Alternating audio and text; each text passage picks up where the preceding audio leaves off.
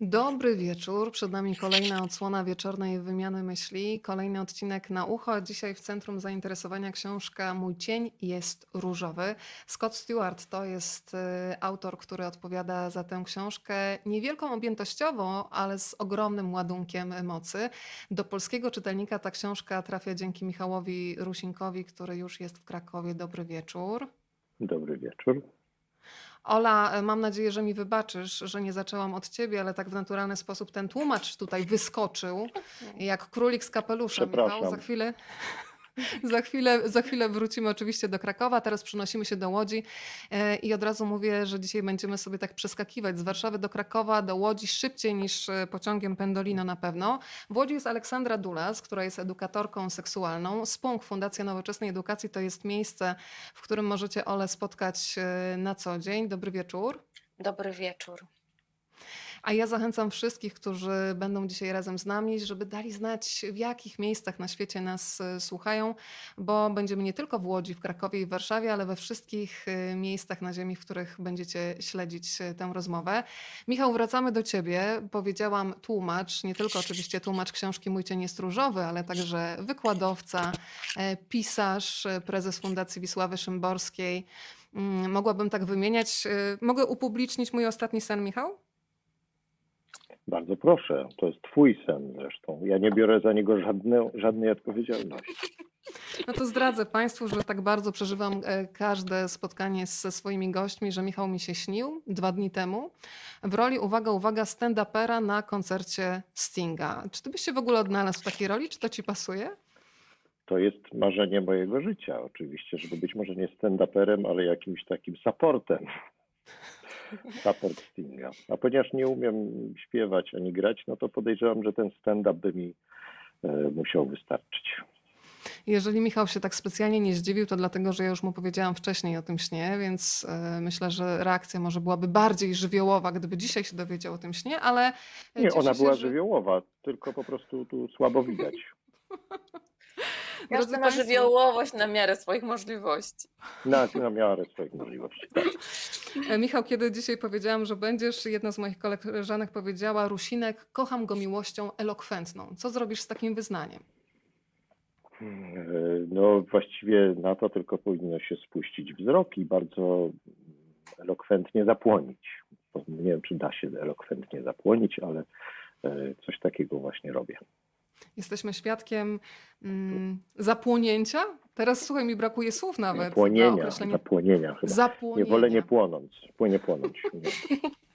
Ale dzisiaj na pewno będzie bardzo dużo emocji. Zapewniam, drodzy Państwo, że niezależnie od tego, w jakim miejscu na świecie nas śledzicie, będziemy emocjonalnie blisko. Już widzę, że jesteśmy w Krakowie i to nie tylko u Michała, ale u pani Wery. Jesteśmy w Sulejówku. Pozdrowienia z Czech mamy wszyscy, dziękujemy. Kraków jest dzisiaj bardzo e, reprezentowany licznie. Mamy Włocławek.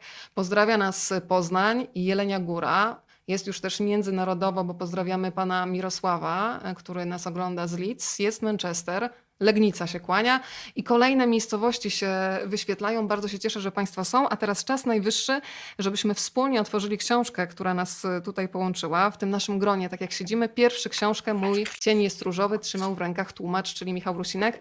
Tak. Michał, opowiedz o swoich pierwszych wrażeniach, kiedy ta książka Scotta Stewarta trafiła do Twoich rąk. Właściwie nie trafiła do moich rąk książka, tylko PDF książki z uwagi na pandemię, ale em, od razu ona trafiła razem z takim mailem z pytaniem, czy ja y, tę książkę przetłumaczę, więc już zacząłem pisać odpowiedź, że nie, bo nie mam czasu, bo mam różne inne rzeczy na głowie i że w ogóle jak to, ale jednak zajrzałem do tej, do tej książki i e, przyznam, że zachowałem się e, niemęsko, ponieważ mnie ona szalenie wzruszyła. I to w dodatku nie, że wzruszyła mnie na samym końcu, ale ona jest wzruszająca tak mniej więcej od środka. E, Ona jest niby nieduża, e, nie, niedługa, e, ale jest napisana po mistrzowsku. Jest napisana jakimś takim stylem, zaraz zacząłem sobie się zastanawiać, czy w ogóle zdołam znaleźć odpowiednik tego stylu. Mm, Z pozoru bardzo lekkim, bo to w ogóle jest książka dla małych dzieci w gruncie rzeczy, ze względu na, czy z- z uwagi na, na, na ten język, którym, którym operuje, Mm, ale zarazem o rzeczy bardzo trudnej, może to nie jest dobre słowo, ale w każdym razie ciężkiej gatunkowo, o może tak, e, ale właśnie bez jakiegokolwiek patosu i bez żadnego moralizatorstwa. To jest po prostu historia chłopca i jego, e, jego taty. E, ale sposób, w jaki jest napisana i sposób, w jaki jest narysowana ta historia, robi ogromne, mm, ogromne wrażenie. I pomyślałem sobie, że jak spróbuję, jak mi się uda znaleźć jakąś taką taki styl, taki język, nawet pierwszą frazę, powiedzmy, do, do przetłumaczenia tej, tej książki, to już jakoś pójdzie. Dostałem deadline, tak zwany, piękne staropolskie słowo, e, mniej więcej dwutygodniowy na przetłumaczenie tej książki i przetłumaczyłem ją w dwa dni, ponieważ wszystko inne rzuciłem w kąt i, e, i, i zająłem się tylko tylko tłumaczeniem tej, tej książki. Rzeczywiście to tu trzeba przyznać, że, że ta książka jest też tak napisana, że jak już się zaczyna ją tłumaczyć i wchodzi się w jakiś taki jej, nie chcę użyć, no ale dobrze, niech będzie nastrój, e, to, to chce się to do, do, do, dokończyć, dojść do końca, tak za jednym zamachem. E, i no coś, takiego, coś takiego zrobiłem. Zresztą oczywiście później była jeszcze redakcja bardzo poważna tej książki, która miała też jakieś tam uwagi do, do, do mnie. Bardzo jestem za nią, za tę redakcję wdzięczny, ale w każdym razie e, tak, to, tak, tak, tak to wyglądało, moje pierwsze spotkanie z tą książką. Kolejne osoby do nas dołączają i od razu z krótkim komunikatem do Państwa, którzy spędzają z nami wieczór. Jeżeli macie ochotę tę rozmowę udostępnić swoim przyjaciołom i znajomym, nic prostszego. Pod okienkami, w których nas widać, jest taki guziczek udostępnij. Wystarczy nacisnąć i ta rozmowa pojawi się również na Państwa osi czasu. E, patrzę teraz w stronę Oli. Ola, czy Ty też zwróciłaś uwagę chyba na nieco prowokacyjne zdanie Michała, że zachował się nie po męsku i się wzruszył? Y, no też zwróciłam, ale myślę, że właśnie ja też to odebrałam jako prowokację zwykłą. Tak. No bo w tym tak, tak to było wymyślone. Tak, tak, właśnie, tak miało być. To wszystko żeśmy wszyscy, w ogóle żeśmy to wcześniej ustalili, trzeba się przyznać do tego. E, wszystko, każde słowo, ja tu mam napisane przecież. Byłam po, poza waszymi ustaleniami w takim razie, wyrzuciliście mnie z tych ustaleń. Tak. E, powiem Wam, że mnie ta książka też wzruszyła i to bardzo, bardzo, bardzo. I to podwójnie ona mnie wzruszyła, dlatego że ja bardzo często pracuję z dzieciakami, które właśnie takie trochę są jak ten chłopiec z tej książki. I bardzo mi brakuje takich ojców, którzy zakładają sukienki. E, I, jakby w, tej perspektywie e, ta książka gdzieś tam mnie tam, wiecie, w czułe miejsca dotknęła. E, więc ja ją bardzo lubię, polecam i na pewno będę ją czytać e, z dzieciakami. Ja już mam plan, żeby zrobić z niej zajęcia z etyki, bo uczę też etyki w szkole, więc myślę sobie, że to będzie jakiś taki element, który mnie tam poniesie. Witamy też wszystkich widzów wydawnictwa Znak Emotikon, którzy są razem z nami, bo to Znak Emotikon odpowiada za nasze dzisiejsze spotkanie. E, Ola, to też jest świetna okazja, żeby Ciebie szerzej przedstawić światu. Powiedzmy o Fundacji Spunk. Ja kiedyś się wyrwałam z hasłem Spunk, a Ty od razu mnie skarciłaś, zresztą bardzo słusznie. I okazuje się, że Spunk to jest słowo, które pochodzi skąd i czym się fundacja zajmuje, bo okazuje się, że ta książka będzie również e, służyć e, Waszej edukacji. Z całą pewnością. Zajmujemy się w ogóle edukacją i taką dobrą edukacją, bardzo szeroko rozumianą, natomiast y, ostatnio i najbardziej jesteśmy z tego znane, że, że zajmujemy się edukacją seksualną y, i dzieci, i nastolatków, i rodziców, i nauczycieli, czyli generalnie rozmawiamy o seksualności, dojrzewaniu. E, I to lubimy robić bardzo, chociaż robimy też gdzieś tam inne rzeczy. Ja w ogóle marzę po prostu o fantastycznej szkole w Polsce i to jest moje największe marzenie, e, żeby zmienić szkołę, żeby ona po prostu zaczęła być fajna i żywa i taka e, frontem do dzieci. No i między innymi ta edukacja seksualna w tym też duchu jest prowadzona i dlaczego spunk, jakby spunk też się jakby w, w tym wszystkim ładnie mieści, bo spunk jest słowem z Pipi Langstrom e, i jest słowem, którego Pipi poszukiwała znaczenia. E, mówi ładne słowo, tylko nie wiem czym ono jest. No i chodziła sobie po łące i szukała znaczenia dla słowa spunk. I stąd to słowo jakby stało się nazwą naszej fundacji, gdyż pomyślałyśmy sobie, że szukanie znaczeń to jest w ogóle fajna rzecz E, i szukanie w ogóle rozwiązań dla różnych rzeczy i to, jest, to, to, to nam przyświeca. To skoro jesteśmy przy znaczeniach ukrytych w słowach, e, to w naturalny sposób wywołujemy znowu do tablicy e, Michała Rusinka. E, Michał, rozmawiałyśmy wcześniej trochę z Olą i zdałam sobie sprawę z tego, że kiedy o dziewczynce się mówi, że na przykład jest chłopczycą, to to jest takie nawet powiedziałabym nobilitujące, że ona się wspina po drzewach, bawi się w jakieś takie chłopięce zabawy. Natomiast kiedy chłopiec słyszy nie zachowuj się jak baba albo płaczesz jak panienka i mogłabym tak jeszcze pewnie wymieniać bez końca, to to jest coś, co ma go ośmieszyć. Y, jak mocno to jest zakażenione w naszym języku i kiedy tak, ja mam wrażenie, że kiedy się tak nie włączy takiej uważności, to te słowa nawet czasami niechcący z naszych ust też y, padają, a jak się wyjdzie na place zabaw, to bardzo często, kiedy chłopiec się przewróci, to to hasło nie płacz jak baba albo nie płacz, bo chłopcom nie wypada, no to, to, to non-stop pada. Więc powiedzmy o tym, co Chłopaki jest w tym naszym płaczą. języku. Tak. Mhm. I No, potem mają problem przez całe życie. Język odzwierciedla, y, można powiedzieć, y, strukturę rodziny, strukturę społeczną i daje jej wyraz jakoś.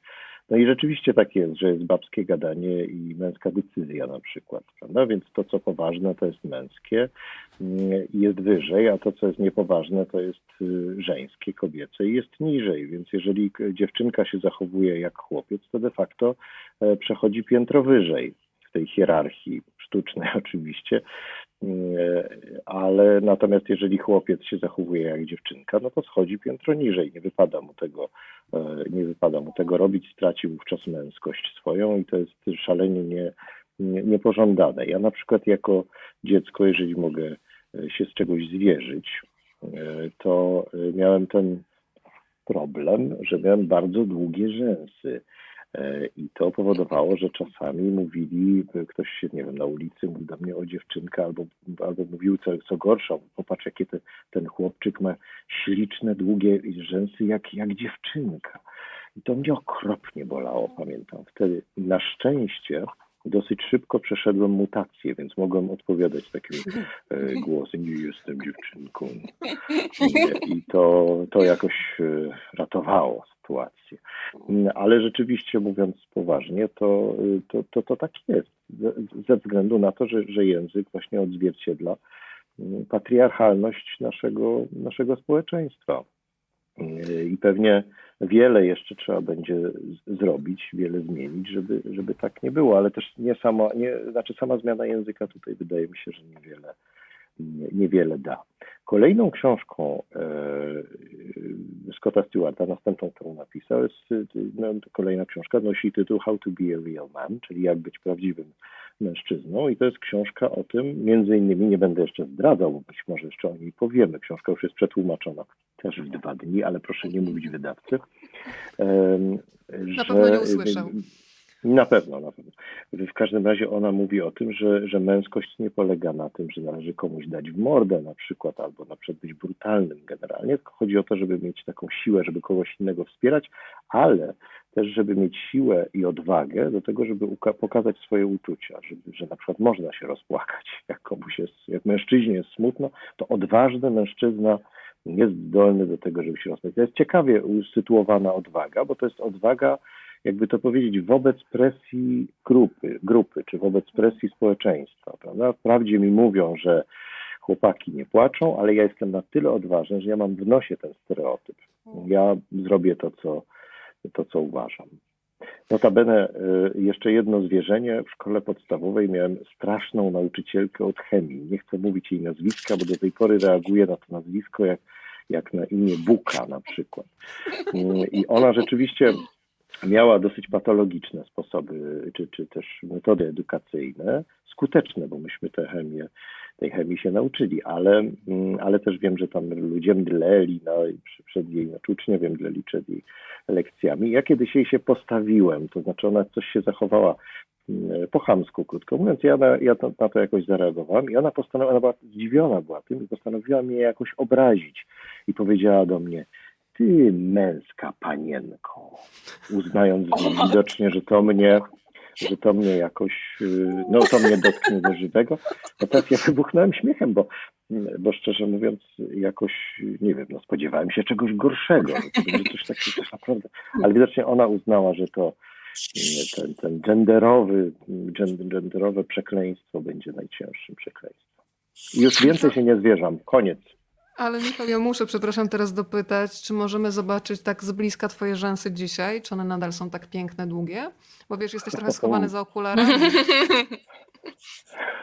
Nie, nie wiem. Nie, nie, nie. To i tak nie, jakość nie pozwoli na to, jakość y, połączenia. Znowu byś spłonął rumieńcem, więc się wycofam z tego pomysłu. Sprawdzę przy najbliższej okazji, kiedy będzie mi dane spojrzeć ci prosto w oczy już Ja bez dlatego mam brodę, żeby komputera. nie było widać y, tego rumieńca. Tak, wszystko już jest jasne. No to skoro e, Michał zaczął wątek zwierzeń, e, to Ola, będziemy te zwierzenia kontynuować e, i zapraszam też Państwa, żebyście przypomnieli sobie z Waszego życia takie sytuacje, kiedy usłyszeliście w jasny sposób, że coś jest tylko dla dziewcząt, a coś jest tylko dla chłopców. I ja nie znalazłam jakiegoś takiego mm, fantastycznego przykładu, ale uświadomiłam sobie, że jednak dość często słyszałam coś pewnie nie tylko ja, od rodziców, od e, znajomych, od nauczycieli w szkole, że tak zachować to się dziewczynce nie wypada, że tak Tak. dziewczynka to powinna być grzeczna, e, spokojna, nie wadząca nikomu i najlepiej nie podnosząca głosu. I dzisiaj z perspektywy dorosłej kobiety myślę sobie, że to są też takie komunikaty, które powodują, że dopiero kiedy dojrzeje, dojrzewamy, no to dopiero uczymy się z dużym opóźnieniem stawiać granice. Bo przecież dziewczynka nie może krzyknąć i powiedzieć głośno, że coś jej się nie podoba, tylko pozwala sobie, mówiąc w taki e, oczywiście metaforyczny sposób, wchodzić na głowę. Mm, I naprawdę czasami mija sporo czasu, zanim powie nie, to mi się nie podoba i mogę krzyczeć i mogę się buntować. E, Ola, jak było u ciebie? Ja chyba podobnie miałam, chociaż ja byłam dosyć buntowniczą dziewczynką, myślę sobie, obroniłam się przez to przed różnymi rzeczami, e, bo ja byłam taką dziewczynką właśnie potrafiącą tupnąć nogą, krzyknąć i nawet używa, używałam czasem brzydkich wyrazów, podejrzewam, że to mogło tak, stawiałam granice, stawiałam nawet granice najbliższym, bardzo ostre, Myślę, że moi rodzice mieli tam trzy światy ze mną, e, kiedy ja dojrzewałam. E, Natomiast e, ja i tak pamiętam takie rzeczy, o których ty mówisz, że dziewczynce nie wypada, że tak to nie można, e, że dziewczynka tak nie siada na przykład, jak, się, jak siadałam na przykład nawet w portkach wiecie, z nogami, jak to mężczyźni siadają, nie, dziewczynki siadają z nóżkami razem. Dziewczynka tak nie chodzi, bo dziewczynki powinny drobić kroczki, a nie chodzić jak żandarm, to pamiętam, że mój dziadek mi mówi, ty chodzisz jak żandarm. Więc takie rzeczy pamiętam. Y, I y, na pewno to jest tak, że, że, że w związku z tym jest trudniej postawić granice i trudniej jest też krzyknąć czasami, kiedy jest to potrzebne. I widzę to nawet teraz, wiecie co, jak pracuję z dziewczynkami takimi mniejszymi y, w szkole, bo w przedszkolu to jeszcze tak tego bardzo nie widać, ale w szkole to już widać. Y, Jak uczymy się właśnie, robimy takie ćwiczenia na stawianie granic i jedno dziecko podchodzi szybkim krokiem do drugiego i ono ma wyciągnąć rękę i powiedzieć stop. I chłopcy to robią naprawdę w większości bardzo takie, wiecie, to jest, tak, to jest takie stop, że tu nie ma wątpliwości. A dziewczynki to jeszcze takie robią stop i takie z uśmiechem, bo jeszcze nawet to jest ciekawe, że my nawet jak się nie zgadzamy, to my się nie zgadzamy z uśmiechem przecież, bo dziewczynka to się musi uśmiechnąć. Więc tak naprawdę ja się czasami nie dziwię y, jakby drugiej stronie, że ona nie wie, czy to jest za komunikat, czy to jest tak, czy to jest nie, czy to jest może, czy to w ogóle o co chodzi. No bo z uśmiechem na ustach mówić, no nie, nie, nie, nie, no to nie wiesz, czy to, co to w ogóle jest, nie? Więc ja myślę, że my sobie robimy straszną krzywdę i społeczeństwo nam robi straszną krzywdę, y, ale też robi krzywdę w takim sensie komunikacyjnym nam, ludziom. Y, No bo jeżeli ja nie wiem, jak powiedzieć nie, mężczyzna też nie bardzo wie, jak odebrać to moje nie, sam też nie wie za bardzo, jak zakomunikować swoje emocje, no bo ma być dla odmiany prawdziwym mężczyzną, który za bardzo nie komunikuje emocji przecież, bo on jest twardy. E, No to jak my mamy w ogóle rozmawiać ze sobą? My się spotykamy potem w świecie i każdy odgrywa jakąś rulkę płciową, no, która nas prowadzi na manowce bardzo często, mam wrażenie. To skoro jesteśmy przy tych e, rolach, które nas prowadzą na manowce, Państwo też tutaj e, komentują na bieżąco, to ja bym jeszcze chciała, żebyśmy, żeby to jasno wybrzmiało, e, że książka, którą napisał Scott Stewart, jest bardzo mocno zakorzeniona w jego życiu. To jest książka, którą dedykował swojemu synowi e, Colinowi. Michał, powiedzmy trochę o czym, od czego się zaczęło. Ja muszę przyznać, że przed dzisiejszym spotkaniem po raz pierwszy w życiu, po pierwsze założyłam TikToka i po raz drugi, i po raz pierwszy w życiu też zobaczyłam Krainę Lodu, ponieważ Colin był zafascynowany postacią Elzy z tego filmu. E, Opowiedzmy trochę o tym, że e, Scott Colin, e, Scott Stewart jest bardzo popularny w Australii, mieszka na co dzień w Melbourne. Tak, o ile wiem, to on się stał popularny właśnie dzięki tej książce i dzięki swoim mediom społecznościowym, bo to nie tylko y, TikTok, ale zdaje się, że też na pewno Instagram, bo ja jednak Tak. e, nie zdobyłem się na to, na ten heroiczny gest, żeby założyć sobie y, TikToka. Jestem za stary, za młody, żeby umrzeć, za stary na TikToka. A w każdym razie Scott Stewart e, napisał tę książkę trochę dla siebie, trochę dla swojego syna, w tym sensie, że jego syn e, miał właśnie e, upodobanie raczej do e, spódniczek i sukienek, a przede wszystkim jego ukochaną, ukochaną bohaterką z filmów, z popkultury była Elza, zdaje się, z Krainy Lodu, Mhm, prawda? Ja to mówię tak nie, niepewnie, ponieważ nie odrobiłem lekcji, nie obejrzałem mm, tego, tego filmu, ale rozumiem, że w każdym razie dziewczynka i on chciał się przebierać właśnie w taką, w, sukienki i, jest nawet taki chyba filmik, jak idą sobie To ja może go zaprezentuję. Bardzo proszę. Mam tutaj z e, TikToka naszego Scotta Stewarta taki fragment e, filmu, e, w którym Państwo myślę, że sobie spokojnie też e, dadzą radę z tłumaczeniem, a jeżeli nie, to na pewno zaraz pomożemy. Tak wyglądała sytuacja.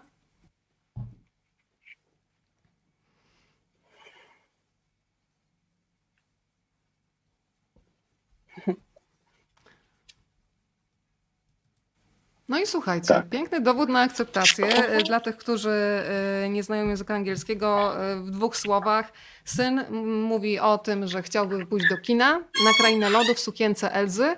No i ojciec mówi, że nie pozwoli na to, żeby poszedł w tej sukience sam. Idą po prostu razem. I, jaka. I to jest scena, jaka która jest też tak. w książce. Poniekąd, prawda? Dlatego, że ten e, ojciec, kiedy syn idzie do, do szkoły w e, spódniczce, tam się wprawdzie z niego nie śmieją, ale patrzą się na niego jak na dziwadło, e, bo on chce się właśnie w ten sposób, ma, ma tak się ubrać, żeby pokazać swoje prawdziwe ja. Więc ten e, ojciec go wspiera w ten sposób, że się ubiera e, tak właśnie również w spódniczkę, a jest jeszcze on o wiele bardziej męskim ojcem od samego Scotta Stewarta. Możemy go tutaj nawet chyba spróbować pokazać. Już szukam w naszych ilustracjach. Ja już. Takie, Tak. ja mam taką analogową, Mhm. ale tutaj proszę. Dziękuję tak, bardzo. to jest mężczyzna. Piękne. To jest mężczyzna. Ja W ogóle nie ma schodach. rzęs. O, proszę zobaczyć. O, Ma proszę. porządny zarost, wąsy, jak widać naprawdę potężną e, muskulaturę. No i to jest ten moment, kiedy nasz e, bohater... Ale akurat e, zasłania tutaj okładka. Zasłania Ale to e, z- z- akurat powiem ci, że okładka zasłania patykowate nogi, wiesz? A tutaj ta Aha, muskulatura jest bardzo. rozbudowana, więc chodzi nam Ale chyba o Państwo sobie wyobrażą, że... że tam może być sukienka. Spódniczka, przepraszam, Tak. mnie się to zawsze myli. Chociaż już teraz nie, już nie wypada po tłumaczeniu tej książki, już mi się nie będzie myliła. Spódniczka. Chociaż tak Spódniczka. prawdę powiedziawszy, to oni mają sukienki, jakby tak się czepiać szczegółów. To, ale no tak, to też w jest każdym razie tego samego materiału. Topy Tak. mają. E, Ola, rozmawiałyśmy wcześniej i opowiedziałaś mi taką wzruszającą historię chłopczyka, e, wnuka, wnuka twojej e, znajomej, który faktycznie, tak jak bohater tej książki, Mój cień jest różowy, pewnego dnia zapragnął założyć spódniczkę. Co temu towarzyszyło i przede wszystkim mnie bardzo ujęła reakcja jego babci. Jak to wyglądało? Tak, chłopiec rzeczywiście marzył o tym, żeby założyć spódniczkę i chciał iść w tej spódniczce do przedszkola. Yy, I babcia powiedziała, no dobra, no to trzeba tutaj coś yy, wykombinować. Rzeczywiście spódniczka była gdzieś tam wykombinowana i chłopiec założył tę spódniczkę. Jak ją założył, słuchajcie, to zaczął się w niej kręcić i obracać. Yy, I właśnie ta moja koleżanka mówi, jak zobaczyła tego wnuka, po prostu takiego, wiecie, całego uszczęśliwionego tą sukienką, tą spódnicą, kręcącą się wokół niego. I mówi, Boże, przecież o to chodzi w spódnicach. Wszystkie dziewczynki w pewnym wieku zakładają kiecki po to, żeby się w nich kręcić. I pytają się nawzajem, czy twoja spódnica się kręci. Y, I to jest takie, Moja słuchajcie, siostra mówiła okręcana. Okręcana. Tak, właśnie, Spódnice dzieją, dzielą się na okręcane i nieokręcane. Tak, dokładnie tak. I słuchajcie, to jest takie zmysłowe, takie sensualne, takie wiecie, to jest taka radocha z tej kręcącej się spódnicy. I nagle dlaczego chłopakom odbierać tę radość z kręcenia się w No spódnicy? właśnie, ja się pytam. Właśnie, ja się Dlaczego? zgadzam. Y, Jestem za tym, że jestem absolutnie za równością w kontekście spódnic. Kręćmy się w tych spódnicach wszyscy. Ja myślę, że nie tylko jeden, y, y, że nie tylko jeden Adrian miał ochotę pokręcić się w spódnicy, że takich chłopców, którzy chętnie by to zrobili, jest więcej, ale znam też ojców, którzy po prostu panicznie reagują na każdy przejaw kobiecych zachowań u ich, u ich synów. Czy to jest zakładanie biżuterii? Przecież biżuteria jest piękna, kolorowa. Dla dziecka, które jest zazwyczaj jak sroka, które uwielbia tego typu rzeczy, zabawki, które są ładne, jeszcze się błyszczą, no to biżuteria jest po prostu zdobyczą. I teraz chłopiec, który się ubiera w tę biżuterię, budzi panikę u taty. Yy, I nagle takiego, taki sprzeciw totalny. Ja widziałam, ja widziałam kiedyś taką reakcję ojca, słuchajcie, no ja się przestraszyłam na te reakcje. Yy, więc myślę, że dziecko też natychmiast kazał mu to zdjąć, absolutnie pozdejmować to i to jest nie dla chłopców no takie to było przejmujące jakby w, jakby w moim odbiorze tego, e, tego zachowania. Ola, to zatrzymajmy się przy tej konkretnej sytuacji. Myślę, że każdy sobie może spokojnie ją wyobrazić, każdy, kto dzisiaj razem z nami jest po drugiej stronie ekranu komputera czy mhm. telefonu. E, załóżmy, że nasze dziecko ma 4, 5, 6 lat, jest to chłopiec e, i faktycznie ma ochotę w spódniczce pójść do przedszkola. Niestety, ale mogę się założyć, że zdecydowana większość rodziców zareaguje w ten sposób, że powie y, początkowo pewnie grzecznie, że nie pójdziesz w tej spódnicy, zakładaj spodnie. Jeżeli będzie błąd ze strony dziecka, to być może dojdzie do siłowych rozwiązań, więc zatrzymajmy się na tym, co rodzic osiąga takim zachowaniem, a co nieodwołalnie traci Ola.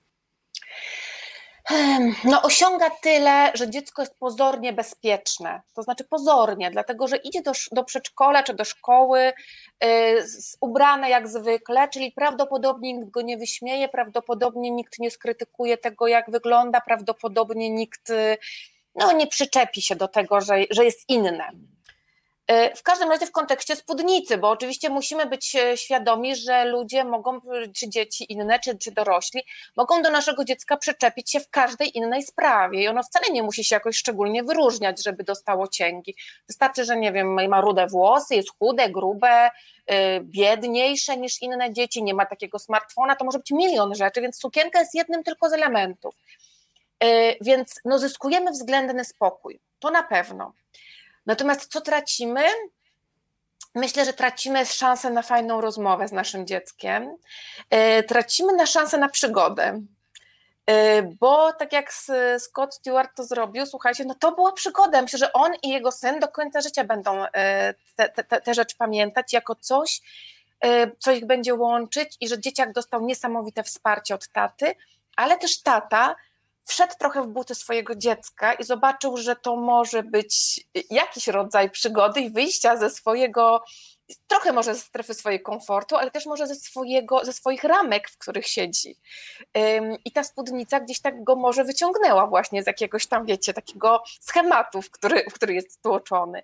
Więc myślę, że to jest jeszcze to, słuchajcie. A poza tym, wiecie co, ja myślę, że jest sposób, nawet w miarę bezpiecznie to przeprowadzić, znaleźć moment w tym przedszkolu, w którym można założyć tą spódnicę. Mamy jakieś, nie wiem, dni, kiedy możemy się przebrać, są jakieś dni, kiedy możemy, nie wiem, jakieś fanta fantazyjne kolejne dni, nie wiem, czegoś tam e, i wykorzystać ten moment i pozwolić temu dzieciakowi ubrać się jak chce. Może mu się spodoba i będzie chciał chodzić w tych spódnicach, a może nie, może on chce po prostu wyeksplorować ten teren. Czy to jest fajne, czy to jest niefajne? Myślę, że zakaz zawsze jest e, gorszy niż rozmowa i spróbowanie, bo jak damy zakaz, no to wiecie, to się nagle robi takie, no co z tą spódnicą jest takiego, że ten chłopak nie może jej założyć, że co się stanie takiego. E, no ja mam wrażenie, że to wtedy temu dzieciakowi musi w głowie pracować, jeżeli to jest zakaz, no bo spódnica staje się jakimś, wiecie, pomnikiem, nie wiem czego właściwie, no bo nie, nie męskości, mhm. jakby wiecie, no czegoś takiego, zaprzeczenia czegoś, ale sama spódnica, sama w sobie jako kawałek materiału, to jest dziwne, nie? To jest absurdalne, tym bardziej, że Scott Stewart y, na swoim y, TikToku pokazywał absurd naszego myślenia w ten sposób, ponieważ on ma też szkockie korzenie i kiedy występuje w kilcie, y, czyli w spódnicy w szkocką kratę, to wszyscy są zachwyceni, jak to męsko wygląda, jakie to jest seksowne. Natomiast wystarczy zamienić szkocką spódnicę w kratę w kwiaty i nagle jest kompletnie inna reakcja, co pokazuje, że naprawdę zachowujemy się w absurdalny sposób. Michał, ktoś tutaj zauważył, że widział cię w e, różowej spódnicy tiulowej e, w TVN-ie, w Dzień Dobry TVN. Powiedz, jakie to było dla ciebie doświadczenie, bo mówimy o takim, Ola mi mówiła, że ten chłopiec, z którego którego dzisiaj wspominaliśmy, czuł się takim wirującym centrum wszechświata.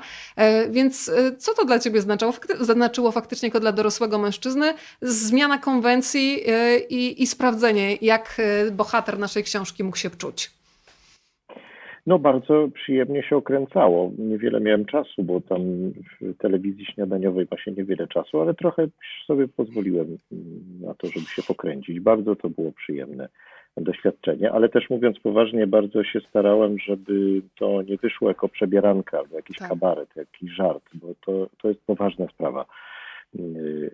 Mimo, że rozmawiamy o tym w miarę lekko, to tutaj można kogoś bardzo skrzywdzić i również może ktoś się poczuć, ja wiem, że, że, że, że, tutaj ktoś ironicznie do tego podchodzi, a to absolutnie nie o to chodzi. Tu chodzi właśnie o wsparcie. Tu chodzi o to, że że jakaś forma inności, odstawania od, od grupy i ewentualnie konsekwencje tego mm, mają być jakoś y, złagodzone przez no, najbliższych, czyli przez tak naprawdę w tym przypadku, w tym przypadku przez, przez ojca. Ja myślę, że to jest jeszcze tak, żeby, żeby nam to może nie, nie uciekło, to nie, nie, nie bardzo chcę wchodzić może w taką jakąś ostrą psychoanalizę, ale też się na tym nie znam.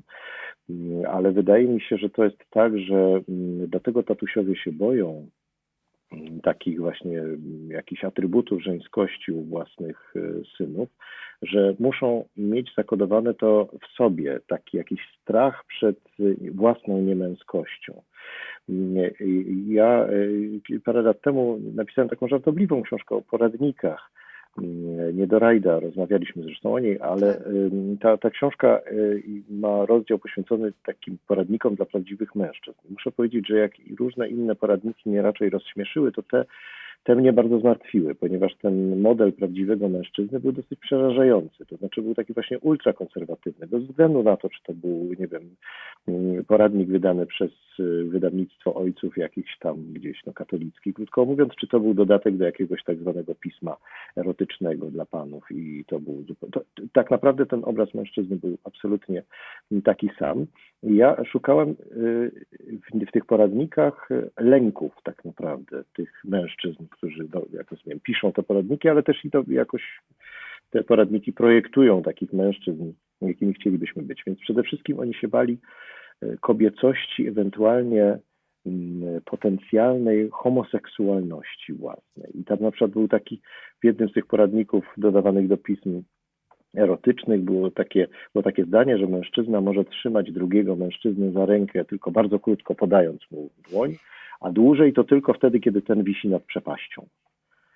Mm, bo i to też nie chodzi o tego mężczyznę drugiego, tylko chodzi o kogoś trzeciego, kto mógłby ich zobaczyć. Mhm. To jest niezwykłe. To znaczy, że cały czas mężczyźni, my mężczyźni, mówię, cały czas my mężczyźni mamy za sobą takiego kogoś, kto sprawdza, czy my jesteśmy odpowiednio męscy. I jak przypadkiem coś zrobimy takiego, jak łzę uronimy albo, no to już przechodzimy do kategorii, mm, prawda, niemęskiej. Tak, no bo mam wrażenie, Także że mamy ogóle, no, źle mamy, fatalnie mamy. tak, no buduj, budujemy męskość, budujemy męskość na dwóch negacjach. Nie jestem kobietą i nie jestem gejem. No trudno jest budować negacji, jakby tam brakuje takiego pozytywnego y, y, określenia, kim ja jestem. Bo już wiem, kim ja mam nie być, ale kim ja mam być, na razie ja mam wrażenie, że współcześnie w naszej kulturze trochę nie wiemy. Czyli fajnie, że pojawi się za chwilę kolejna książka o tym, kim jest mężczyzna. Ja na nią już bardzo czekam. Mam nadzieję, że znowu będzie jakiś materiał do ciekawej pracy, e, bo ja mam wrażenie, że to jest wielka, wielkie pytanie, na które my powinniśmy sobie teraz jako społeczeństwo odpowiedzieć. Bo kim jest kobieta, to my sobie już jako kobiety e, wywalczyłyśmy to miejsce i bardzo ładnie. Ci przerwę, nie ma poradników, jak być kobietą.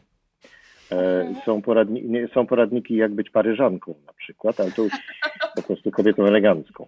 Natomiast mhm. jest mnóstwo poradników, jak być prawdziwym mężczyzną. Przepraszam. No właśnie, no właśnie. Jakby, bo jakby mam wrażenie, że my się dookreślamy jako kobiety cały czas i robimy to i, i od jakichś stu paru lat już naprawdę dosyć aktywnie uczestniczymy w tym budowaniu tym swojej kobiecości, tym kim ja jestem jako kobieta. I przez to, że myśmy się tak bardzo zmieniły, no to ten obraz męskości, który był e, zbudowany te 150 lat temu, czy tam 2000 lat temu, czy 10 tysięcy lat temu, ale powiedzmy, że on się utrzymuje cały czas w jakimś sensie, niestety e, jest to jakiś konstans przez te lata e, no to od, odkąd myśmy uzyskały prawa wyborcze i zaczęłyśmy trochę szumieć tu i ówdzie, okazało się, że, że, że on się wali gdzieś tutaj, nie? ten obraz mężczyzny i trzeba by zacząć od nowa zadać sobie pytanie, kim mężczyzna jest w związku z tym, e, a nie kim nie jest. No i to jest e, pytanie, na które trzeba zacząć odpowiadać. To zwróćcie też uwagę, że strajk kobiet zeszłoroczny, no i wciąż trwający poniekąd, ale przede wszystkim zeszłoroczny, pokazał, znaczy odebrał coś mężczyznom, ponieważ kobiety mówiły w czasie tego strajku tak zwanym wulgarnym językiem. I ten wulgarny język jest przecież w naszej kulturze nazywany szczególnie w naszym kraju, tak zwanym męskim, językiem. językiem. To znaczy, jak się podsłucha na przykład obecnego premiera ówczesnego kiedyś tam prezesa banku i on tam mówi właśnie słowa takie, a nie inne, to później szef jego partii mówi, tłumaczy go, no to męski język od czasu do czasu mężczyzna może sobie pozwolić, a to była męska rozmowa. Natomiast kiedy kobiety mówią to, co, to, co mówią, mówiły i mówią to, i, i, piszą to na transparentach, to z jednej strony przekraczają granice tego, o czym mówiłyście przed tym, że właśnie kobietom, dziewczynkom nie wypada, no a one właśnie to, to, to mówią, a z drugiej strony zabierają coś mężczyznom, prawda? wchodzą na ich teren. To... Oj, niedobrze. Słuchajcie, pani Kate napisała, że u nich w szkole e, poprosimy o informację, gdzie ta szkoła jest, czy ona jest w Polsce, czy gdzieś jest za granicą. Jest Dzień Spódnicy i wszyscy uczniowie i uczennice mogą przyjść do szkoły w spódnicach. Poprosimy e, panią Kasię o to, żeby nam dała znać, ja też stawiam, ale może będziemy słuchać jakieś zakłady teraz, czy to jest na przykład Francja, e, czy to są Włochy, zaraz zobaczymy. Ale Niemcy. jest jeszcze bardzo Moim ciekawe... zdaniem to są Niemcy. Chyba tak, bo Kasia, e, ta sama pani Kasia napisała, no że w języku niemieckim Aha. spodnie są rodzaju żeńskiego, a spódnica rodzaju męskiego. To też jest e, niesamowite, e, że nie wiem, czy zauważyliście, że też te relacje pomiędzy mężczyznami też zależą od tego, w jakiej kulturze jesteśmy. No chociażby wśród Portugalczyków dojść Beijinhos, czyli te dwa buziaczki, oczywiście jeszcze przed pandemią, to były normalne i niezależnie, czy się wita mężczyzna z mężczyzną, czy kobieta. Natomiast u nas, ja pamiętam, jak moja przyjaciółka, która mm, miała męża Portugalczyka, który przyjechał do Polski, usłyszała od swojej innej koleżanki prośbę od jej męża, że wiesz co, może by ten twój mąż tak nie przytulał do mojego męża, bo on się dziwnie z tym czuje. Więc nawet y, ta strefa komfortu dotyku powodowała, że, że człowiek czuł jakieś y, zagrożenie. E, słuchajcie, ale No tak, ale tego nie wartościujmy chyba, przepraszam, tak. prawda? Bo, bo, to jest tak, że to są takie kulturowe jakieś rzeczy i to w jednej kulturze się przyjmuje to, a w innej tamto. No, w kulturze skandynawskiej prawie w ogóle nie ma dotyku, prawda? Minimalizowany jest, ale jakoś inaczej się wyraża swoje, swoje emocje. O, Ale rzeczywiście szkoła jest tego. w Polsce. Szkoła jest w Polsce. Szkoła jest w Polsce, a pani Kasia tam uczy niemieckiego, tak. Brawo, no to jesteśmy dumni z naszej ojczyzny w takim razie. Ja przynajmniej jestem dumny. Ja też. Słuchajcie, dla mnie ta książka przede wszystkim jest o takiej miłości bezwarunkowej i o tym, że jedną z najważniejszych rzeczy, którą może dać rodzic swojemu dziecku jest akceptacja, ale się zastanawiam, tak. Ola, bo mówimy o bezwarunkowej miłości i akceptacji. Czy to jest coś, czego się po prostu można nauczyć?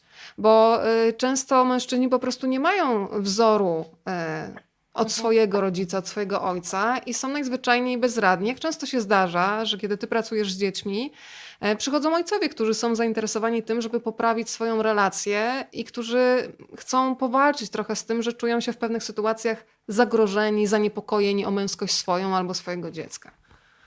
Bywa, że przychodzą i przychodzą coraz częściej. Bywa, że są przyciągani za uszy przez swoje partnerki, ale sam fakt, że przychodzą, to jest dla mnie już naprawdę wielki krok naprzód.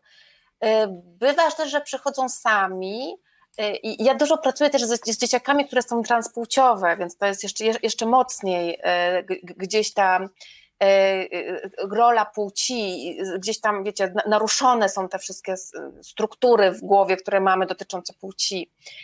I ci ojcowie, którzy przychodzą, oni naprawdę przychodzą, żeby sobie to ułożyć w głowie z takim, ja widzę, że przychodzą e, z dużą miłością i z dużym niezrozumieniem, ale z drugiej strony myślę, skąd oni mają mieć zrozumienie? E, skoro my nikogo o, na ten temat nie uczymy, przecież my o tym nie rozmawiamy, w szkole się o tym nie mówi.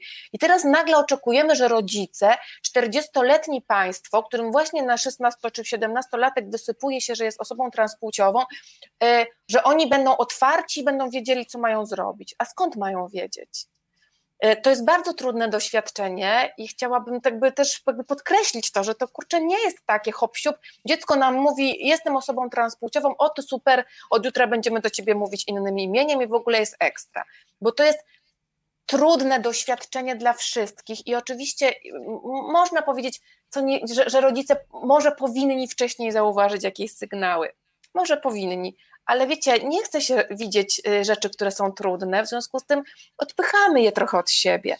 A z drugiej strony, jak już to się wydarza, no to trzeba się nauczyć po prostu do tego jakoś podejść, więc trzeba szukać y, y, odpowiedzi, trzeba szukać mądrych ludzi, którzy nas wesprą i którzy nam pomogą. I oczywiście masz rację, Weronika, że akceptacja jest tutaj zawsze najważniejsza. Wiecie, ja tu mówię o takiej sytuacji już naprawdę dużego kalibru, nie o różowej sukience, czy o tym, że chłopiec bawi się lalkami ale też trzeba pamiętać, że ci rodzice naprawdę po prostu boją się o swoje dzieci. Boją się, żeby te dziecko, dziecko nie doświadczyło jakiejś przemocy, żeby, żeby to się nie odbiło na jego zdrowiu fizycznym. No o tym wszystkim taki rodzic myśli. E, w związku z czym najpierw pewnie odpycha te myśli takie, takie trudne. E, a potem powolutku, powolutku dobrze, żeby się uczył. Więc tak, akceptacja, tak, miłość bezwarunkowa, tak. Natomiast też ja bym była za tym, żeby dawać sobie czas na takie oswojenie się z różnymi rzeczami i szukanie pomocy. Naprawdę jest coraz więcej ludzi, coraz więcej organizacji, coraz więcej miejsc, gdzie można pójść i po prostu pogadać od serduszka, też z innymi rodzicami, którzy mają podobną sytuację. I też nie mówię tylko i wyłącznie o dzieciakach transpłciowych, ale właśnie o tym, że Mój syn jest jakby gdzieś tam się w stereotypie y, nie mieści, jest inny. Moja córka jest inna niż pozostałe dziewczynki. Gdzieś tam mi się to nie składa, martwię się o nią czy o niego y, szukać pomocy, szukać po prostu takich grup, gdzie ktoś nam to po prostu da, da, nam moc do tego, żeby być y, dobrym rodzicem i być po prostu przy dziecku, trwać i towarzyszyć. Ola, ja myślę, że za lękiem po prostu bardzo często stoi niewiedza, ale też stoi wstyd, że ludzie się wstydzą zapytać. Powiedzmy w ogóle, y, każda okazja jest dobra, żeby budować tę wiedzę od podstaw. Powiedzmy, czym jest płeć, czym jest tożsamość seksualna, orientacja seksualna i kiedy tak naprawdę, zresztą to sam Scott Stewart y, podkreślał, y, że wiele osób w Polsce odczytuje tę książkę jako opowieść o małym chłopcu, który już jest gejem. I on mówi, że tam mhm. ani przez chwilę nie pada takie zdanie, ale też porozmawiajmy o tym, bo ja mam cały czas w głowie, słuchajcie, taką rozmowę niedawno prowadziłam z psychologami e, o tym, że żyjemy jednak w opresyjnym e, kraju, który powoduje, że chce wymazać miłość homoseksualną, nie pozwolić jej dojść do głosu i jeden z psychologów powiedział wprost, że to jest mniej więcej tak jakby zabronić słońcu świecić. E, więc i pamiętam pytanie jednego z uczestników tej rozmowy, który zapytał, jak on w ogóle ma rozmawiać z rodzicami o swoim homoseksualizmie, bo on czuje wstyd i czuje, że rodzice wstydzą się jego. I to aż po prostu fizycznie mnie zabolało w środku, że przecież orientacja seksualna, która nie jest Twoim wyborem, po prostu się z nią rodzisz, jest czymś, co powoduje e, tego rodzaju wstyd, ciężar, że Ty nie możesz się otworzyć w najbliższym otoczeniu. Więc powiedzmy o, o rozdzielmy płeć, tożsamość płciową, mhm. seksualność i w ogóle porozmawiajmy o seksualności dzieci, bo wiele mhm. osób uważa, że dzieci nie mają seksualności, Ola. No mają, mają i to dobrze, że mają, no bo rodzimy się w określonej płci, w, określonej cie, w określonym ciele. E, ja myślę, że to wszystko przez to, że ten seks i seksualność się tak w języku polskim jakoś osadziła w, jakby w tym kontakcie płciowym po prostu. A przecież z angielskiego seks to płeć i to wszystko, co dookoła tej płci, to jest seksualność. Więc to jest bardzo szerokie pojęcie nie tylko uprawianie seksu, bo jak idziemy na przykład na edukację seksualną do szkoły, to dzieci w pierwszej chwili myślą, że my będziemy rozmawiać o tym, jak się uprawia seks. I potem są ciężko zawiedzione, że właściwie o tym to za bardzo tam nie ma, nie? E, tylko, tylko o, o innych ważnych rzeczach e, rozmawiamy. Natomiast czym jest płeć? No płeć też jest konstruktem bardzo złożonym. Ja tutaj też mam na kolanach mam dwie książki, które wydaje mi się, że dzisiaj są bardzo ważne przy okazji książki e, Mój cień jest różowy, to mam jeszcze tę książkę, prawda? Trzecia Płeć Świata, która jest fantastyczną książką i którą powinni wszyscy przeczytać, żeby zobaczyć, że płeć nie jest prostym konstruktem, że to nie jest zero-jedynkowa sytuacja, że albo jestem mężczyzną, albo jestem kobietą. To nawet biologicznie nie jest zero-jedynkowe, ponieważ płeć, znaczy nasza płeć składa się z płci y, naszej gonadalnej, czyli jakie, czy mamy jądra, czy mamy jajniki, z płci, którą określają nasze narządy płciowe zewnętrzne, z płci, które określają nasze chromosomy, hormony i jeszcze nasz mózg. I to wszystko dopiero razem tworzy naszą płeć. I podejrzewam, że gdyby jakiś biolog tu koło nas usiadł, to by się jeszcze doczepił o różne inne drobiazgi, które się na to wszystko składają. Więc y, y, czy ktoś jest tak w 100% kobietą albo w 100% mężczyzną, to dopiero by można było pewnie bardzo skrupulatnie by trzeba było nas zbadać, czy my na pewno y, spełniamy wszystkie kryteria bycia kobietą i bycia mężczyzną. Może się okazać, że nie, ja tutaj nam się coś wydaje tylko, że, że tak jest. Tylko, że istotnym kryterium i najistotniejszym dla naszego życia i naszej tożsamości jest to, kim ja myślę, że jestem, kim ja wiem, że jestem i kim ja czuję, że jestem. I to wszystko pozostałe nie jest aż tak bardzo istotne, jak to, co jest w moim przekonaniu i w mojej tożsamości. E, I stąd są te kłopoty czasami z, e, z, tym, z tą płcią, o której mówimy, jakby kim ja jestem i, i, i jakby kim ja się określam. Ola, a do jakiego mniej więcej wieku to eksperymentowanie, które niektórzy właśnie tak nazywają eksperymentowanie, chociaż to jest naturalne e, chęć na przykład budzenia empatii, że chłopiec bierze sobie lalkę. Dla mnie, jeżeli się chłopcu odbiera lalkę, to odbiera mu się w naturalny sposób takie opiekuńcze instynkty, bo od razu się go uczy, że ty się nie możesz bawić lalkami, a przecież też badania mówią, że my się nie rodzimy z empatią, tylko musimy się jej nauczyć, a chłopcu jest to od razu zabierane na dzień dobry. Więc kiedy jest ten moment, kiedy dla dzieciaków to jest naturalne, naturalne, a kiedy y, można pójść na przykład do specjalisty i porozmawiać, czy moje dziecko jest y, homoseksualne, bo ma więcej takich, y, a nie innych zachowań. Ja to myślę, że jak będziemy słuchać swojego dziecka, to będziemy wiedzieć wszystko dokładnie, bo ono nam wszystko powie. To, że dziecko bawi się lalkami, będąc chłopcem, to naprawdę o niczym nie świadczy. To tylko o tym, że tylko oprócz tego, że dziecko będąc chłopcem lubi bawić się lalkami i to już. To jest cała wiedza na ten temat. Natomiast e, jeśli chodzi o kwestie związane rzeczywiście z jakimiś problemami z płcią, no to to jest dużo głębsza kwestia i to dziecko będzie nam mówiło i pokazywało, że ono jest inne, ono nie pasuje do płci, e, w którą ma napisaną w papierach i będzie nam naprawdę to komunikować i to bardzo wcześnie się zaczyna. Dzieci już, e, dziecko wie, jakie jest płci, kiedy ma mniej więcej 3 lata. Wie, jakie jest płci i wie, rozumie ciągłość tej płci. To znaczy, że dzisiaj jestem dziewczynką i to znaczy, że jak urosnę, będę kobietą. I dziecko mniej więcej od tego momentu, jeżeli jest tu jakiś problem, zaczyna komunikować, że u niego jest trochę inaczej. Że, nie po, że niekoniecznie będę jak mama, jak urosnę, albo że nie chcę być jak mama, jak urosnę, będąc dzisiaj y, określana jako dziewczynka. I to zaczyna się oczywiście małymi kroczkami u różnych osób różnie.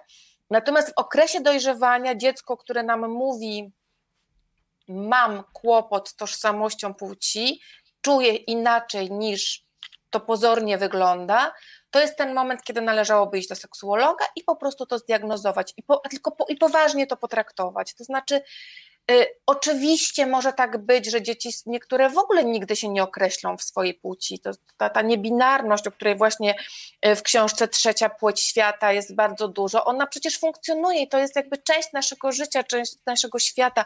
Tacy ludzie są i oni są i są kolorowi, gdzieś tam nie, nie dający się włożyć w te ramki.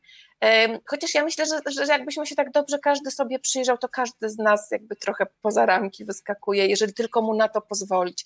Ostatnio jakiś nastolatek y, mnie zapytał, czy to jest tak, y, bo on jakby funkcjonuje w takiej grupie rówieśniczej, gdzie oni wszyscy są trochę, trochę artystami. Tu się ubierają kolorowo, wyjeżdżają na obozy, się bezpiecznie bardzo czują i, i mówi o tym, że nam się chyba wszystkim wydaje, że my jesteśmy biseksualni. Czy myślisz, że jeśli jest tak, że byśmy wszystkim nam pozwolono po prostu funkcjonować tak, jak chcemy, to my wszyscy jesteśmy trochę kobietami, trochę mężczyznami i wszyscy jesteśmy biseksualni. Myślę sobie, to jest bardzo możliwe, e, że tak trochę jest. Że, że gdyby nas pozbawić tych rygorów kulturowych, w których jesteśmy wychowywani, to my ten pierwiastek y, kobiecy i męski mamy tak ze sobą poprzeplatany w różnych aspektach naszego życia i naszej tożsamości, y, że żeby mu pozwolić po prostu wyjść na wierzch, to może bylibyśmy wszyscy szczęśliwsi. Wiesz, o czym teraz pomyślałam, Ola, że ci młodzi ludzie, którzy z tobą rozmawiają, czują się bardzo bezpiecznie, bo zadają pytania, które zazwyczaj w domu nigdy nie padają, nawet nie tylko dlatego, że rodzice nie znają odpowiedzi, ale po prostu y, dzieci nie czują przestrzeni do tego, żeby te pytania padły. E, Michał, ja przyznaję, że po książce Mój y, mm, cień jest różowy, przypomniałam sobie też film Billy Elliot, e, pewnie też go doskonale pamiętasz. To jest film, który jak odkryłam, minęło już 21 lat od jego premiery, co mi tylko uświadomiło, że ten czas zdecydowanie biegnie za szybko. I znowu tam mieliśmy chłopca, który wychowywał się w rodzinie e, gdzie e, mama zmarła, był owdowiały ojciec i starszy brat, obaj górnicy, więc taki stereotypowy, męski bardzo świat.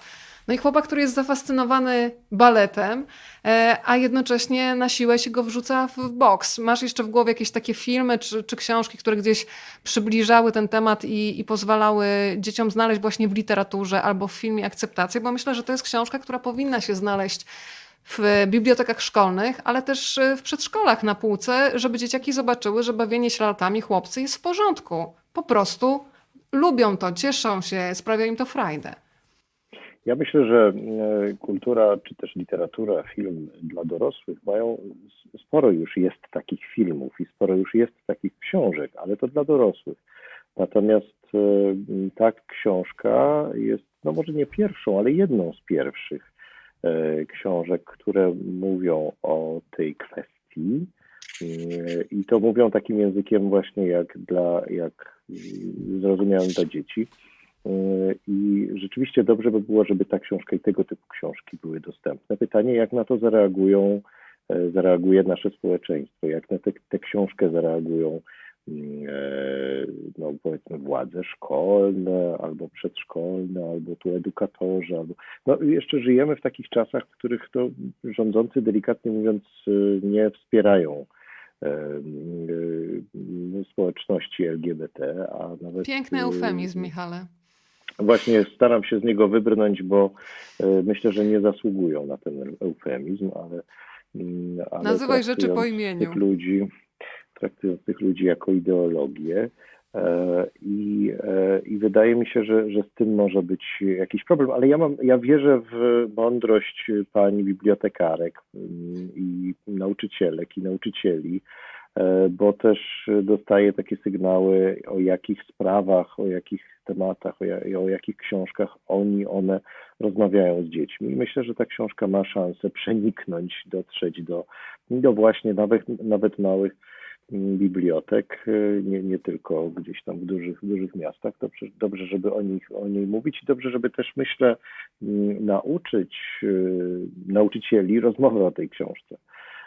To, to, to, by było, to, by było, to by było świetnie.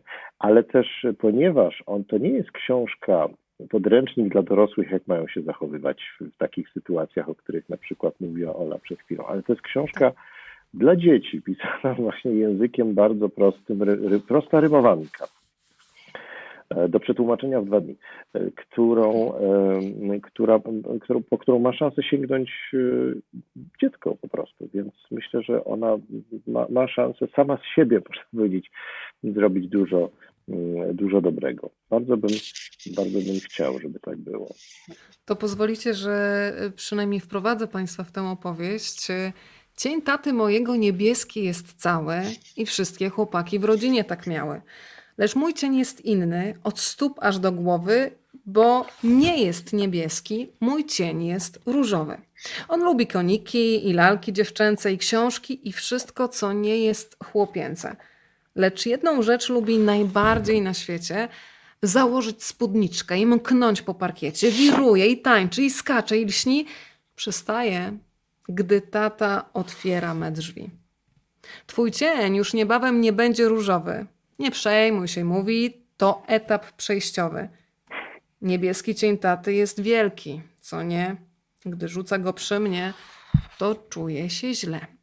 I potem oczywiście sytuacja się rozwija. Nie mogę dzisiaj Państwu całej książki przeczytać, ale Michał, kiedy przeczytałam e, tę książkę, to pomyślałam sobie, że takie rymowanki to jest to, co Rusinek chyba lubi najbardziej, ale zastanawiam się, jak to jest, kiedy się tworzy własne rymy, a jak to jest, kiedy się przekłada słowa z Scotta Stewarta i zastanawiam się, gdybyś mógł zdradzić też trochę kulisy tłumaczenia. Czy zdarza ci się tak, że na przykład odkładasz pracę e, na kilka godzin, na jeden dzień, bo brakuje ci polskiego słowa, które w 100% odda to, co chciał zmieścić w słowie angielskim Scott Stewart? O, chyba tak nie mam, bo ja mam ADHD, więc y, chyba bym nie, nie potrafił tak długo wytrzymać, ale, y, ale y, szczerze mówiąc, ja nie bardzo się zastanawiam, czy też nie zastanawiam się szczególnie nad tym, jak się tłumaczy, bo wydaje mi się, że wtedy bym przestał tłumaczyć, gdybym zaczął teoretyzować. Y, I też nie, nie umiem, y, prowadzę zajęcia z tłumaczenia, ale to są warsztaty to nie są wykłady. Ja nie potrafiłbym teoretyzować na ten temat. Natomiast jedną rzecz zauważyłem i to również mówię studentom, którzy przychodzą, chodzą na warsztaty z creative writing, że jeżeli chcesz zacząć pisać, jeżeli chcesz pisać, to zacznij od tłumaczenia, bo tłumaczenie jest świetnym poligonem, bo to jest, ma się już temat, ma się już opowieść, ma się już jakąś narrację i teraz trzeba z tego zrobić polski tekst, polską książkę. Na podstawie tego, co się dostaje, z szacunkiem oczywiście dla, dla tego, dla tego wszystkiego. I to myślę, że y, jeśli ktoś chce zacząć pisać, zwłaszcza pisać dla dzieci, to dobrze, żeby, żeby zaczął właśnie od, od tłumaczeń literatury, literatury dziecięcej. A, a akurat ta, ta, ta, książka jest pisana bardzo współczesnym językiem. Ta angielszczyzna jego jest, jest współczesna, więc tutaj mm, pod tym względem nie, była, nie było to dla mnie jakieś wyzwanie. Tłumaczyłem także i kiedyś starsze, archaiczne już i archaicznie brzmiące rzeczy. I to, to jest oczywiście jakiś tam dodatkowy problem, ale tutaj, tutaj nie. Ja mam wrażenie, że jeżeli się złapie jakiś rodzaj rytmu, to już potem idzie. To jeszcze dodajmy, że te ilustracje, które Państwu pokazuję, też są dziełem Scotta Stewarta. E, ja zachęcam, żeby Państwo odnaleźli jego profil na Instagramie i na TikToku. Na TikToku jeden z jego filmów miał 17 milionów e, odsłon, a ja jestem e, bardzo ciekawa, Michale, jak została oceniona też w rodzinie Rusinków warstwa ilustracyjna, bo nie jest tajemnicą, że Twoja siostra Joanna doskonale się na tym zna. Ja jako like mogę powiedzieć, że to są takie ilustracje pełne wdzięku, które nadają takiej I tak, i to słowo wdzięk chyba będzie najbardziej odpowiedny y, tej całej opowieści. Co na to, y, czy Janna miała okazję zobaczyć? Nie wiem, szczerze mówiąc, bo nie rozmawiałem z nią jeszcze tym, na ten temat. Tego nie było w scenariuszu. Ja się nie, nie żartuję, ale nie umawialiśmy się rzeczywiście. Będę wam dostarczać promptery chyba. Bardzo proszę. W razie czego spróbuję się połączyć z moją siostrą tutaj. I tak. Ale e, ja, jak już jestem przy głosie, to chciałem zauważyć tutaj na jedną rozkładówkę w tej książce, która, mm, która dotyczy mm, spraw, że tak powiem, niegenderowych. Dlatego, że w mhm. pewnym momencie ten tata wyciąga album rodzinny i pokazuje mu zdjęcia przodków, ale pokazuje mu mm, zdjęcia tych, którzy których można powiedzieć społeczeństwo zmusiło, żeby pełnili jakieś tam role, mm. a oni, ich prawdziwe ja chciało coś zupełnie innego. I to jest fantastyczny moment, moim zdaniem, jeden z najfajniejszych w tej książce, bo on pokazuje, że ten problem e, akceptacji, tożsamości, e, problem właśnie prawdziwego ja, bycia zmuszanym do czegoś albo tak dalej, że, to, że on wychodzi poza płeć. I tutaj na przykład, ja, ja, teraz ja przeczytam. Bardzo proszę. Przy jednym zdjęciu tak. Cień jego uwielbiał malarstwo i modę. Cień jej fascynował się zaś samochodem. No to jak to nie wypada? Przecież i tu widzimy taką dziewczynę, której cień naprawia samochód. Cień jego chciał tańczyć, być jak balerina, a jej cień skrywany się kochał w dziewczynach. To jest jedyny taki element mm, genderowy. Cień jego uwielbiał, ach, sztukę sceniczną, jej cień zaś naukę i przestrzeń kosmiczną. Tak. To też jest mój ulubiony fragment tej książki, powiem Ci szczerze. Tu uwielbiam to i tylko z jednym się nie zgodzę, że on nie jest genderowy, bo on jest cały genderowy, bo ta płeć kulturowa jednak No nas tak, tak, obarcza również i tym, nie? tak masz. Więc, więc tak, natomiast, ym, natomiast rzeczywiście on mnie, to coś, Dziewczynka co się sprzeciwiła chłopcu, do tego chłopcu, Tak. który jest tutaj od Ale to było w języka. scenariuszu, To cicho, to było w scenariuszu, Weronika, spokojnie. Umówiłyśmy Tak, się tak, miałem. A popatrz, jak mnie scenowała. Weronika, uspokój się, tak nie wypada, żeby się dziewczynka wychowywała i ekscytowała. O, Weronika, wykrzycz to, wykrzycz to, bardzo cię proszę. Dobrze, będę krzyczeć. Ale Ola, skończ. Ja będę krzyczeć, ale skończ. Będę kulturalna. skończę, dobra. Skończ. Dobra, daję. Y, Więc y, ja teraz to już nie skończę, bo zapomniałam, co chciałam powiedzieć. I że to był twój ulubiony, Że uważnie, poza- że to był twój ulubiony fragment, Mhm. który wykracza poza płeć. Tak, który tak. I on mnie wzruszył po prostu, wiecie, co naprawdę miałam taką kluchę w gardle, jak to czytałam. W takim Mhm. sensie, zobaczcie, ile musimy zgubić. Wszyscy trochę, mam wrażenie. Każdy z nas, będąc po prostu wsadzony w te ramy kulturowe, e, zostawia coś, e, coś ważnego. I mi się przypomniała taka historia znowu z życia e, mojej przyjaciółki, która miała prababkę, która chciała być fotografką. E, I nie została tą fotografką, a zostały po niej przepiękne zdjęcia, słuchajcie, ale tak piękne, e, właśnie takie z domu, gdzieś tam jakieś siostry, babci, kogoś tam, wiecie, robiła takie dziewczyny po prostu w różnych, e, w różnych pozach, takie wiecie, to był początek XX, koniec XIX wieku, takie wiecie, naprawdę przepiękne rzeczy. I myślę sobie, szkoda, szkoda. I ile takich zmarnowanych talentów i to myślę po obu stronach, w każdej i jakby bez względu na płeć, gdzieś tam się e, no, I zniknęło. to nie zawsze ktoś tutaj jest winny, bo to nie zawsze można powiedzieć, że Tak. winni są rodzice, albo to czasami winne są okoliczności po prostu, czasami społeczeństwo oczywiście, które wymusza coś, prawda? U nas wszyscy mężczyźni w rodzinie byli na przykład prawnikami, no to jak możesz się wyłamywać? Ale no to, to, czasami by, bywa to zupełnie kwestia, kwestia przypadku, ale fajnie jest chyba, to w ogóle dostrzec. Ta rozkładówka pozwala to dostrzec przecież te, także i w swojej najbliższej rodzinie i pewnie też to, to w sobie i, jako, i tak w sobie i jakoś o tym umieć mówić. Może spróbować też to, to realizować. Słuchajcie, ale Fajnie by Scott było. Stewart też w wywiadzie dla Onetu powiedział taką rzecz, że on na początku też zawiódł, miał takie poczucie swoją rodzinę, bo wywodzi z takiej mocno konserwatywnej rodziny, kiedy został zawodowym tancerzem. E, Ale potem, jak sam z przekąsem zauważył, kiedy zajął się światem finansów, to niejako się zrehabilitował, bo się zajął jakimś męskim zajęciem, więc to jest e, dla wszystkich wspólne. Ale słuchajcie, gdybyśmy jeszcze mogli powspominać, e, jaki podział ról y, pamiętacie ze swojego domu? Bo kiedy się pojawia hasło spódnica, to ja na przykład, słuchajcie, mam przed oczami mojego tatę, który do tej pory szyje, jest jedyną osobą szyjącą w naszym domu. I były takie wymiany szkolne, nie wiem czy pamiętacie, kiedy na przykład przyjeżdżały y, dziewczyny z Rosji ze szkoły, a potem się jechało do Rosji. Pamiętam, że moja starsza siostra była na takiej wymianie i przyjechała do nas też dziewczynka do domu. I mój tato szył wtedy takie białe spódnice, takie co się właśnie kręciły. I ta dziewczynka była tak zachwycona tym, że my mamy te spódnice, że pamiętam mojego ojca, który siedział do rana w nocy, żeby przed jej wyjazdem jej uszyć coś takiego, żeby ona mogła do tej Rosji zabrać e, tę spódnicę. I pamiętam, słuchajcie, do dzisiaj nie pamiętam już imienia tej dziewczynki, ale pamiętam jej zaskoczenie i radość rano, kiedy ona wyjeżdżając z Polski dostała tę białą, kręcącą się spódnicę. Więc u mnie na przykład tato zawsze szył, e, tato też się świetnie zajmuje do dzisiaj kwiatami, więc wydawałoby się, że coś, co jest w tym kręgu właśnie e, zajęć kobiecych. I, I jak, jak wy pamiętacie? Michał, ty chyba też, pamiętam, że oglądałam w Dzień Dobry, że u ciebie chyba też tato szył. Dobrze pamiętam? Tak, mój tata szył, ale może nie jakieś takie artystyczne rzeczy, ale jeżeli coś trzeba było przyszyć, żeby było równo, to mój tata. A jak nie równo, to moja mama. No niestety tak to, to bywało, ale na przykład mój tata Znaczy, nie mama umiał gotować.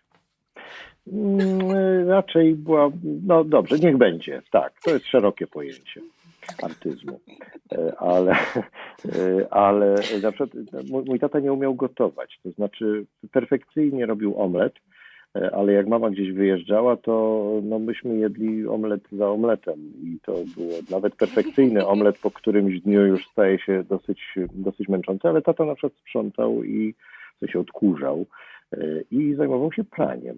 I uważał, że to jest również naprawianiem pralki oczywiście, to, to, to, to też, ale też jakoś wydaje mi się, że te, ten podział był wynikający z umiejętności e, przede wszystkim, a nie z jakichś tam, nie z czegoś takiego mm, narzuconego. Ta, tak mi się wydaje, że, że to tak było. Mm, też e, mój tata był właściwie wychowywany wyłącznie przez babcię, przez swoją mamę, więc może dlatego też nauczył się różnych, różnych rzeczy w, w, ta, w takim, a nie innym domu. I to myślę, że to, to, to ja, ja, dla mnie w każdym razie nigdy by mnie nie zdziwiło żadna, żadna taka czynność domowa. A ja też to odziedziczyłem, że ja nie, nie umiem gotować też. Ale już ustaliliśmy, jak pięknie można wyrosnąć na omletach taty, Michał. Dziękuję. O, bardzo proszę. Ola. Wiesz co, u mnie to raczej było stereotypowo dość, y, natomiast ja miałam fa fajne wzorce u moich dziadków, y, u mojej mamy rodziców. Mój dziadek był taką osobą, która właściwie zajmowała się wszystkim w domu. Moja babcia tylko gotowała. E, bo on i sprzątał, i robił pranie, i przynosił zakupy, i, i, i, robił też takie stereotypowo męskie rzeczy, czyli właściwie wszystko umiał naprawić, więc był taką osobą, która ogarniał wszystko, ponieważ moja babcia całe życie doskwierały jej różne rzeczy zdrowotne. To były zwykle drobiazgi, ale wystarczająco poważnie to było traktowane w rodzinie, że mój dziadek po prostu przejmował kolejne obowiązki w którymś momencie miałam wrażenie, że mój dziadek robi w domu wszystko, oprócz gotowania rzeczywiście. Więc wiecie, też nie mam takiego poczucia, że ja jakoś nie widziałam mężczyzn, którzy robią e, nietypo, znaczy nietypowe, nie, nie stereotypowe rzeczy. Widziałam oczywiście, chociaż mówię, u mnie w domu akurat to było dosyć takie e, sztywne, natomiast mój tata teraz, moja, moja mama już nie żyje i teraz mój tata jest w nowej relacji i tam on już jest na emeryturze, a żona jeszcze nie i powiem Wam, że widzę, że rozkwita jako e, pan domu, e, gotując, prowadząc ogródek i różne rzeczy. W związku z tym widzę, że mu to przynosi dużo szczęścia i radości, więc myślę sobie, no może mu to tego brakowało wcześniej, po prostu. Słuchajcie, to jeszcze pokażmy na chwilę Scotta Stewarta. E, mówiłam o tych e, fantastycznych filmach, które można zobaczyć na TikToku. Zgadzam się z Michałem, że to jest wyzwanie. Ja przyznaję, że też już jestem w tym wieku, kiedy udało mi się założyć konto na TikToku, ale na przykład nie byłam w stanie stworzyć żadnego filmu. Kompletnie nie wiem, który przycisk jest do czego, ale przynajmniej wiem, jak oglądać. E, I to jest. E, kokietujesz, pokazać... kokietujesz. Ja już nie widziałem tam po prostu milion. Na TikToku nie, na Instagramie tak, ale na TikToku jeszcze nie. Także... Jeszcze, jeszcze. No, poczekajmy tydzień. Tak. Proszę tu nie podważać mojej wiarygodności, ale chciałam pokazać z, jaką, z jakim poczuciem humoru i dystansem e, i z taką powiedziałabym naprawdę misją i cierpliwością Scott Stewart pochodzi, podchodzi do tematu, bo on nawet i mówi o tym bardzo wyraźnie, że nam się może wydawać, że w Polsce jesteśmy w takim konserwatywnym kraju, a wydaje nam się, że Australia jest postępowa. A on też pod wieloma postami, jak sam mówi, mierzy się z hejtem i z przedziwnymi komentarzami, na które on naprawdę e, odpowiada i to w zabawny, inteligentny sposób. Nie wiem, czy jego odpowiedzi docierają do zainteresowanych, ale przykład kolejnego filmu, który jest jednym z moich e, ulubionych dla tych, którzy mają wątpliwości, czy chłopcy mogą się bawić e, lalkami. To bardzo proszę kolejny tutaj film, który Państwu pokażemy.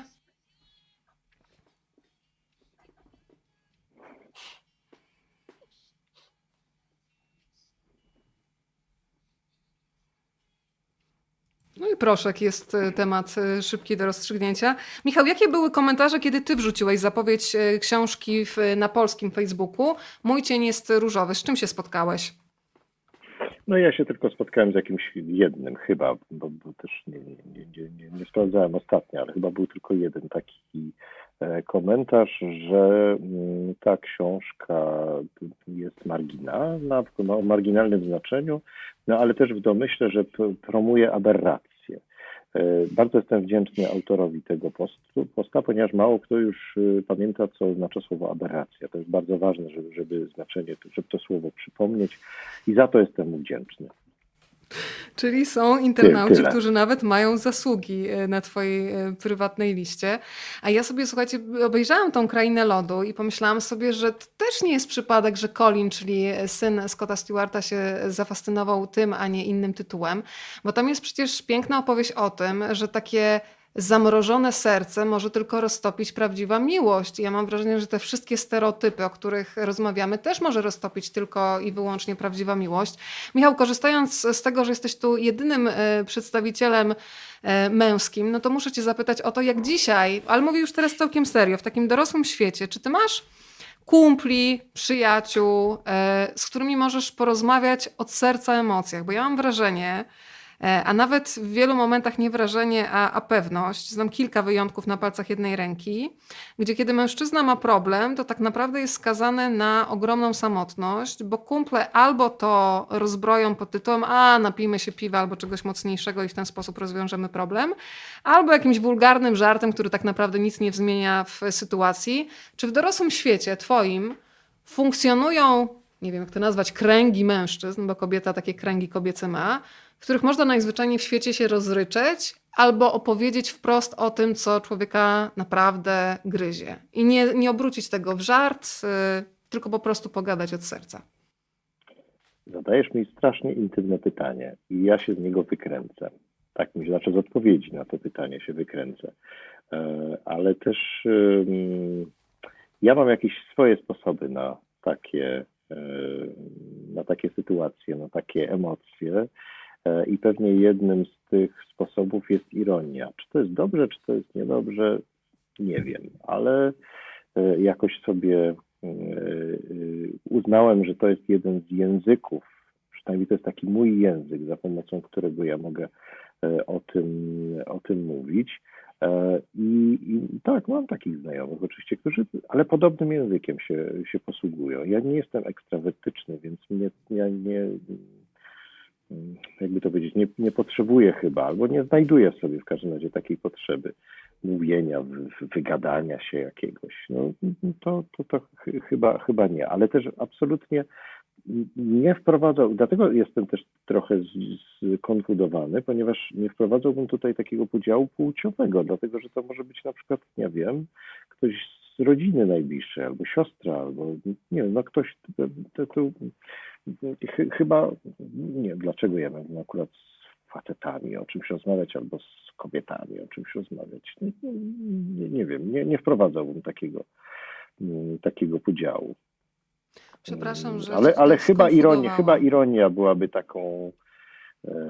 Takim język, nazwałbym ją językiem, bo, nie, bo ona niekoniecznie musi być maską. Bo jeśli ktoś ją mhm. odczytuje odpowiednio, to jest pewnym takim sposobem do, na to, żeby, żeby mówić o rzeczach e, no, czasami trudnych, bolesnych i intymnych. No także taki angielski understatement, to znaczy takie niedomówienie, które czasami też może być bardzo znaczące i pełnić podobne funkcje, podejrzewam.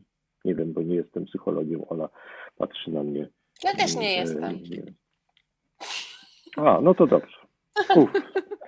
E, to jak tu są gdzieś jacyś psycholodzy, to na pewno psychologowie to na pewno patrzą groźnym, groźnym wzrokiem, ale, ale wydaje mi się, że to, to językiem ironii też można wiele wyrazić. O, ja się po prostu tylko przepraszam, Michał, e, i bardzo się cieszę, że stawiasz granice, bo nie chciałabym w żaden sposób e, wchodzić za bardzo w, w prywatność, więc dziękuję za, za granice, które już nie przekroczę na pewno. Ale chodziło mi o to, że mam wrażenie, że jednak w tych stereotypach płciowych, dziewczynki uczy się nazywania emocji, chłopców się zamyka usta właśnie tym, nie wiem, e, nie płacz jak baba albo chłopak nie płacze jeszcze raz. A ostatnio miałam piękną rozmowę z e, Agnieszką Cegielską, która ma świetną relację ze swoim synem i to ona go nauczyła, że w sytuacji, kiedy sobie na przykład nie radzi z czymś, to on mówi, wiesz co mamo, idę sobie do wanny, wezmę olejki i popłaczę. I wraca jak nowonarodzony, albo kiedy widzi, że ona jest spięta, to mówi, wiesz co, myślę, że wanna, trochę popłakania i olejek by ci pomógł. I uważam, że to jest nauczenie danie dziecku jakiegoś takiego, nie wiem jak to nazwać, metodą jakiejś samoregulacji, tego, żeby nie trzeba było tego chować w środku. Bo jeżeli słyszysz przez całe życie, że nie możesz, nie powinieneś, bo to jest właśnie niemęskie, niechłopięce, niefajne, no to nasiąkasz tym jak gąbka. E, Ola, jak pracujesz z dzieciakami, nie wiem, może to też jest stereotyp. Chłopcy są mniej zamknięci, bardziej to też rozbija stereotypy w mojej głowie. A to przepraszam, jeszcze coś do, do, dopowiem jednego, dobrze, jeśli mogę. Mianowicie ja absolutnie, jeśli, ja na przykład płaczę w kinach i płaczę w ogóle na filmach, ale e, po prostu o tym mówię i robię z tego, no, że to, to tak mam po prostu i nic na to nie poradzę, ani to źle, ani to dobrze. No. Czasami jestem zasmarkany. tyle. Wiesz co, ja myślę, że jest różnie. Na przykład chłopaki na naszych zajęciach z edukacji seksualnej bardzo dużo rozmawiają i czasami naprawdę o fajnych i ważnych rzeczach. I, I, mam wrażenie, że czasami częściej niż dziewczyny podejmują różne tematy. Może dziewczyny są bardziej zawstydzone, a oni trochę są taki, wiecie, szacha wiracha do przodu, więc wiecie, więc zapytam. E, z drugiej strony mają tendencję, i ja, ja, też to lubię, e, jak Michał e, do ironii, nie? że sobie pójdą w taką ironię, w taki żarcik, i, I, nie wiem, to jest język, który do mnie też przemawia. Ja na przykład w ten sposób też rozmawiam z moim synem, który ma lat 16 i on też ma takie, że on jakby no, to poczucie humoru, które nam towarzyszy, ułatwia nam bardzo rozmawianie na trudne tematy. E, bo właściwie wszystko można trochę obśmiać, wszystko można troszkę potraktować z ironią i to trochę, wiecie, to jest wtedy trochę, ta mina nie jest taka wielka, ona tak szybko nie wybuchnie wtedy. Ale czy rozmawiają? Myślę, że rozmawiają i ja myślę, że to jest też tak, że w ogóle to do rodziców wszystkich, i chłopaków, i dziewczyn, żeby po prostu, jak oni przychodzą rozmawiać, to to jest ten moment, kiedy słuchamy i rozmawiamy. E, I nawet jeżeli to jest e, druga w nocy i jemu się właśnie albo jej zebrało na to, żeby od serduszka coś powiedzieć e, mamie albo tacie, to sorry, zaciskamy zęby i mimo tego, że jutro trzeba wstać o szóstej, ale to jest właśnie tak, tak Michał, sorry, ale tak to tak uważa. No wiem, że robisz ja miny, bo ty masz twoje dzieci i oni mogą przychodzić o drugiej w nocy, nie? Jakby rozumiem, nie? Ale to trzeba dygnąć, y, ale to trzeba dygnąć, dlatego że to są te momenty, kiedy my ich uczymy rozmawiania. To są te momenty, kiedy mówimy, tak, mówisz, to jest ważne, że mówisz. Że to nie jest tak, weź tam, wiesz, przeczekaj, nie wiem, później przyjdziesz rano, nie, bo ja się muszę wyspać, tylko wtedy, kiedy to jest na emocji, kiedy potrzeba jest wygadania się, to to jest ten moment, kiedy jako rodzic fajnie by było y, wysłuchać. I ja wiem, naprawdę wiem, że to bywa trudne, bo nastolatki mają zegar biologiczny powykręcany w cały świat i oni po prostu o czwartej nad ranem właśnie są w największym wiecie, fazie rozmawiania, kiedy ty jesteś nieprzytomny albo nieprzytomna, e, a o szóstej rano to o co chodzi, oni śpią, nie? Natomiast, e, natomiast no, czuję gdzieś głęboko, że to są te momenty, które warto łapać. Kiedy on właśnie przychodzi, właśnie mówi, to ty słuchaj rodzicu, e, bo, bo to jest budowanie relacji, to jest właśnie to łapanie tych takich e, okruszków, tych, tej bliskości, która może zbudować naprawdę wielką rzecz między nami. Słuchajcie, tak, ale mnie się też wydaje, że są różne języki mówienia o tych, o rzeczach intymnych i że mm, czy rzeczach prywatnych, jakichś, nie wiem, bolesnych, jak cokolwiek trudnych e, i że to wcale nie jest tak, że dziewczynki mają łatwiej, tak mi się wydaje, tylko że, że mm, im się też chyba narzuca jakiś język mówienia, czy proponuje jakiś język mówienia i one w to wchodzą. Myślę, że to jest kwestia i kultury, i popkultury, i bajek na przykład i tak dalej. Natomiast e, wydaje mi się, że to, to nie jest tak, że na przykład e, chłopaki ze sobą nie rozmawiają. Rozmawiają, też rozmawiają, tylko rozmawiają innym językiem. E, I myślę, że dla mnie też ciekawe są takie momenty, kiedy języka, kiedy nam brakuje języka. Kiedy zaczyna, kiedy nagle na nazwanie czegoś, jakiegoś stanu nie mamy języka. I wtedy coś kombinujemy, szukamy go wtedy poszerza się, jak sądzę, taka świadomość, świadomość językowa.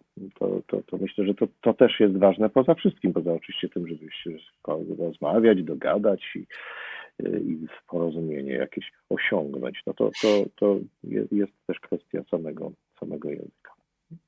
Ja jeszcze się skupię na moment e, na cielesności jako takiej. Tak sobie sama dzisiaj myślałam o tym, że Wyrosłam trochę w takiej kulturze i myślę, że wielu z nas po drugiej stronie, gdzie ciało zaczynamy zauważać dopiero wtedy, kiedy ono boli. E, że rzadko się mówi dzieciom, że ciało może sprawiać przyjemność, że to jest taki dom, dom jedyny, który mamy i że ciało jest częścią ciebie, a nie jakimś opakowaniem. Nie macie wrażenia, że, że może też stąd, kiedy pada hasło, że dzieci mają swoją seksualność, to u niektórych jest taka reakcja albo reakcja rządu dotycząca edukacji seksualnej, y, która dla rządu oznacza, że będzie się uczyć dzieci masturbacji w przedszkolu, co jest tak, seksualizacja, tak. Mm, gdzie tych korzeni Straszne szukać i jak to wykorzenić? No to jest przede wszystkim kwestia kultury patriarchalnej, tak, tak, mi się, tak mi się wydaje i że to, to jest, no i oczywiście chrześcijaństwo tutaj ma znaczenie, a w każdym razie Kościół katolicki i takie przeświadczenie, które gdzieś tam jest i w filozofii starożytnej, ale przede wszystkim, jak myślę, właśnie w tym nurcie chrześcijańskim, które mówi, że że ciało jest więzieniem duszy, że właśnie ta, o tę duszę trzeba dbać, że ciało jest nieczyste i to jest związane i z tradycją biblijną i tak dalej. Długo by o tym mówić oczywiście, ale, mm, ale e, jest ta, ta, takie przeświadczenie w każdym razie. Jest nasza kultura podszyta takim prze, prze, przeświadczeniem. E, I dopiero odwrócenie czy krytyczne spojrzenie na, to, na tę tradycję pozwala, tak jak na przykład taki, był taki francuski filozof Michel Foucault, który mówił, że to jest odwrotnie, że to tak naprawdę dusza jest więzieniem, więzieniem ciała, dlatego że dusza jest konstruktem, który sobie wymyśliliśmy, który nas ogranicza jakoś, ogranicza naszą cielesność, przyjemność tego ciała, radość itd. Tak itd. Tak Więc myślę, że to y, krytyczne spojrzenie na tradycję zawsze dobrze, dobrze robi. A w tym przypadku na pewno dobrze zrobi. No tak, znaczy y, ja się zgadzam z tym, y, Weronika, że y, to, to bo my mamy takie doświadczenia, że to, co jest najbardziej wywrotowe w naszym programie, to jest to, kiedy my mówimy młodym ludziom, że seks jest przyjemny. I to po prostu budzi najwięcej kontrowersji. O matko, jak się powie coś takiego młodzieży, to oni na pewno zaraz zaczną uprawiać ten seks. No bo jak to jest przyjemne, no to nic innego, tylko rzucić wszystko i iść uprawiać seks. E, a przecież oczywiście to się nie dzieje, to jest raz. Natomiast dwa, że no trudno e, mówić o seksualności, pomijając ten aspekt. E, no, no bo to wtedy o czym rozmawiamy? Że o, o tylko zagrożeniach, Oczywiście warto o nich mówić, natomiast no jeżeli tylko o tym, to znowu budujemy coś na negacji, czyli co, czym ma nie być seks, ale nie znowu nie czym ma być. To jak z tą męskością. No i mam wrażenie, że to jest bardzo krzywdzące dla nas, e, bo, bo znowu traktujemy ciało albo właśnie na, tutaj na negację, czym ma nie być to raz, a dwa jeszcze bardzo obciążamy takimi wymaganiami w stosunku do tego ciała, jakie ono ma wyglądać, jakie ono ma być E, jakie są standardy dobrego i złego ciała. I tutaj znowu wchodzimy w kolejny wielki e, temat, no tak. jak, jakie jest ciało kobiety, jakie jest ciało mężczyzny, jakie, jak, jakby, w czym my się musimy, w jakich znowu ramkach musimy się zmieścić, żeby być akceptowalni. I, i, i to jest, wiecie, no, du, duży temat na kolejną wielką rozmowę. To słuchajcie, ostatni wątek, y, który bardzo bym chciała, żeby wybrzmiał. Y, jestem, Ola, też ciekawa Twoich y, doświadczeń. E, bo rozmawiamy o tym, że nasze dziecko może być heteroseksualne, może być transpłciowe, może być homoseksualne. E, I kiedy śledzę różne reportaże osadzone w polskiej codzienności, to jednak e, pewną regułą jest to, że od synów homoseksualnych bardzo często odcinają się właśnie ojcowie, że matki bardzo często stoją mocno za nimi, e, wspierają, e, są blisko, e, bronią przed agresją świata, który jest wokół. Z czego wynika takie zachowanie ojców? Czy to jest właśnie lęk, czy to jest niewiedza i, i czy trafiają się ojcowie, którzy którym się otwierają oczy, że, jego dziec, że ich dziecko potrzebuje najzwyczajniej w świecie miłości. Oczywiście, że są ojcowie, którzy zachowują się jak powinni, są jakby empatyczni i fajni. I, A tacy, którzy się odmieniają, bo myślę o takich, którzy najpierw się izolują tak. i twierdzą, że, tak. że to jest w ogóle coś dziwnego, e, a potem hmm. po prostu akceptują dziecko, które jest e, homoseksualne. Koniec, kropka. Są tacy oczywiście, którzy całe życie mówili, homoseksualizm jest y, nie taki, że to jest dziwne, że to jest chore i tak dalej, i tak dalej. I nagle aberracja, okazuje się, aberracja, przypominam. I, po, I potem okazuje się, że ich osobiste dziecko y, jest homoseksualne. I wtedy, y, i wtedy miękną bo okazuje się, że miłość do dziecka jest większa niż ta niechęć do osób homoseksualnych. Y, i zaczynają poszukiwać odpowiedzi. I to jest super, i ta, i, i, i ta, ta zmiana y, przychodzi. Y, bywa, że nie, ale znowu ja w ogóle myślę, że ta trudność ojców i wracamy do początku. Ona jest na tym, że to po pierwsze moja wina. Musiałem być złym ojcem, skoro on jest homoseksualny. Coś tutaj zawiodłem na jakimś polu. Zresztą pokutują takie stereotypy, że słaby ojciec i silna matka to wtedy będzie homoseksualne dziecko. Stereotypy, powtórzmy głośno i wyraźnie. Tak, tak, to jakby nie ma nic wspólnego z rzeczywistością. E, więc jeżeli, no to jak, jak to ojca, w jakim to świetle ojca stawia? No widać, nie byłem wystarczająco mocnym mężczyzną, silnym mężczyzną, skoro mam homoseksualne dziecko. Może czegoś nie dopilnowałem, może coś zaniedbałem, a może to też rzucać cień na moją orientację seksualną. Skoro mm, mam tak. homoseksualne dziecko, to co ze mną? Czy ja na pewno jestem heteroseksualny i w ogóle co, o co tu chodzi, nie? Więc to wszystko jest bardzo trudne dla mężczyzny, bo on znowu musi się obronić przed tym, y, że nie jest gejem i nie jest kobietą, a że jest prawdziwym mężczyzną, musi udowodnić, tak? Y, no nie zazdroszczę tej sytuacji, dlatego potrzebnych takich, potrzebna takich rozmów, żeby jak najwięcej ich było, żebyśmy naprawdę po prostu od, oddemonizowywali y, te kwestie związane z seksualnością, z homoseksualnością, z transpłciowością, w ogóle z płcią. I, i, i ja mam, mam takie marzenie, wiecie, żeby kiedyś przyszedł taki czas, żeby nikt nas nie pytał o orientację seksualną i płeć żeby nie było takich rubryczek w ogóle nigdzie, e, żeby to po prostu nie miało znaczenia, no bo czy to tak naprawdę dla nas jako człowieka w kontakcie z drugim człowiekiem ma duże znaczenie, czy ja jak się z kimś witam, to ja pierwsze co to muszę mam mu zeznać, jaką mam orientację seksualną, jak się czuję ze swoją płcią, czy może zapy- czy pierwsze to jest to, czy nie wiem, mamy jakieś wspólne zainteresowania, czy fajnie nam się gada, czy nie wiem, czy, czy lubimy coś takiego, że możemy razem to zrobić na przykład, nie? E, więc... Ja mogę powiedzieć dowcip a propos? Proszę. Proszę, Proszę znaczy, to z pewnym niepokojem, ale tak. Właśnie też tak Anegdota to jest, ale ona jest a propos, chociaż akurat nie seksualności. Mianowicie, kiedy Wielka Orkiestra Moskiewska Symfoniczna po raz pierwszy wyjechała w, po Odwilży do Nowego Jorku, to razem z nią wyjechała również minister kultury Związku Radzieckiego, niejaka Furcewa. I zorganizowano mm, konferencję prasową, która polegała na tym, że po prostu ta Furcewa wygłaszała coś tam, co miała napisane. No i między innymi przeczytała w pewnym momencie takie zdanie, że to jest nieprawda i to są pomówienia, że w Związku y, y, Radzieckim jest antysemityzm. I najlepszym przykładem jest właśnie nasza orkiestra, w której na 276 muzyków aż 114 e, to jest, co to są Żydzi. I wtedy jeden z dziennikarzy wstał i powiedział, wie pani co, u nas chyba też, ale u nas się ich nie liczy. I to jest e, świetne podsumowanie. Michał, udał ci się, udała ci się ta anegdota. Bałam tak, się trochę dziękuję. z pewnym niepokojem podchodziłam, ale warto jednak e, zaufać. Naprawdę nie ufasz mi?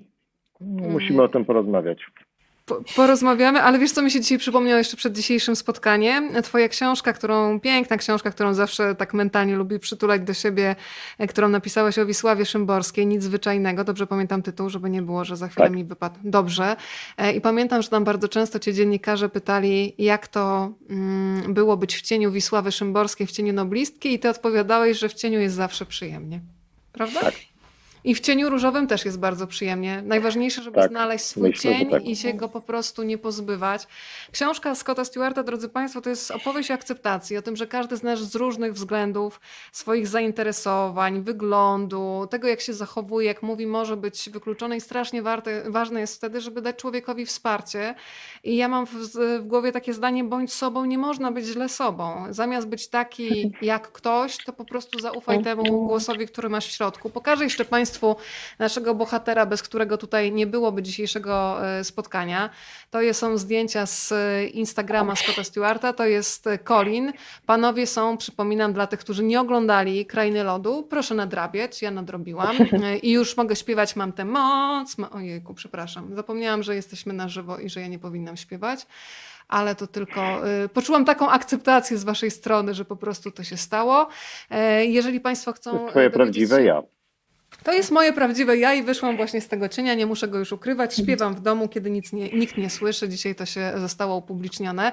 Zapraszam, żeby Państwo zaglądali na Instagram, na e, konta społecznościowe e, Scotta, bo on tam nagrywa sporo krótkich filmów, w których z dystansem, z poczuciem humoru odczarowuje kwestie, które niektórzy, jak powiedział Michał, e, wprowadzając to słowo już niemal wymarłe, niektórzy nazywają aberracją. Nie wiem, czy zwróciłeś uwagę też, Michał, że Ola użyła też słowa rzadko używanego jak dygnięcie. Też ładne, prawda? Tak, ale to należy do aberracji. To w takim razie ja będę zwolenniczką aberracji i za chwilę będziemy już dygać e, w kierunku, mogę powie- mo- można powiedzieć, że będziemy dygać? Nie? Tak. Dygajmy. To będziemy e, dygać w kierunku Państwa, dziękując za to spotkanie. Ja jeszcze mam niespodziankę od wydawnictwa Znak Emoticon. Jeżeli Państwo chcą kupić tę książkę z rabatem, konkretny rabat, dokładnie 37% od ceny okładkowej, to wystarczy, że dokonacie takiego zakupu na stronie znak.com.pl i trzeba wpisać hasło, które będzie ważne tylko do 28 lutego. Różowy bez polskich znaków, czyli rozowy. Żeby wszystko było jasne, e, tak należy postąpić. A ja zaproszę jeszcze, drodzy Państwo, na najbliższą sobotę. Wtedy spotkamy się z Magdą Hikiel i Tomkiem Śliwińskim. To są fantastyczni ludzie, piękni ludzie o nieprawdopodobnej sile. To jest para, która stworzyła m.in. dokument nominowany do Oscara Klątwa Ondyny. E, Od wielu lat e, starają się unicestwić klątwę. To jest bardzo rzadka choroba, o której porozmawiamy w najbliższą sobotę. Stworzyli przepiękną płytę.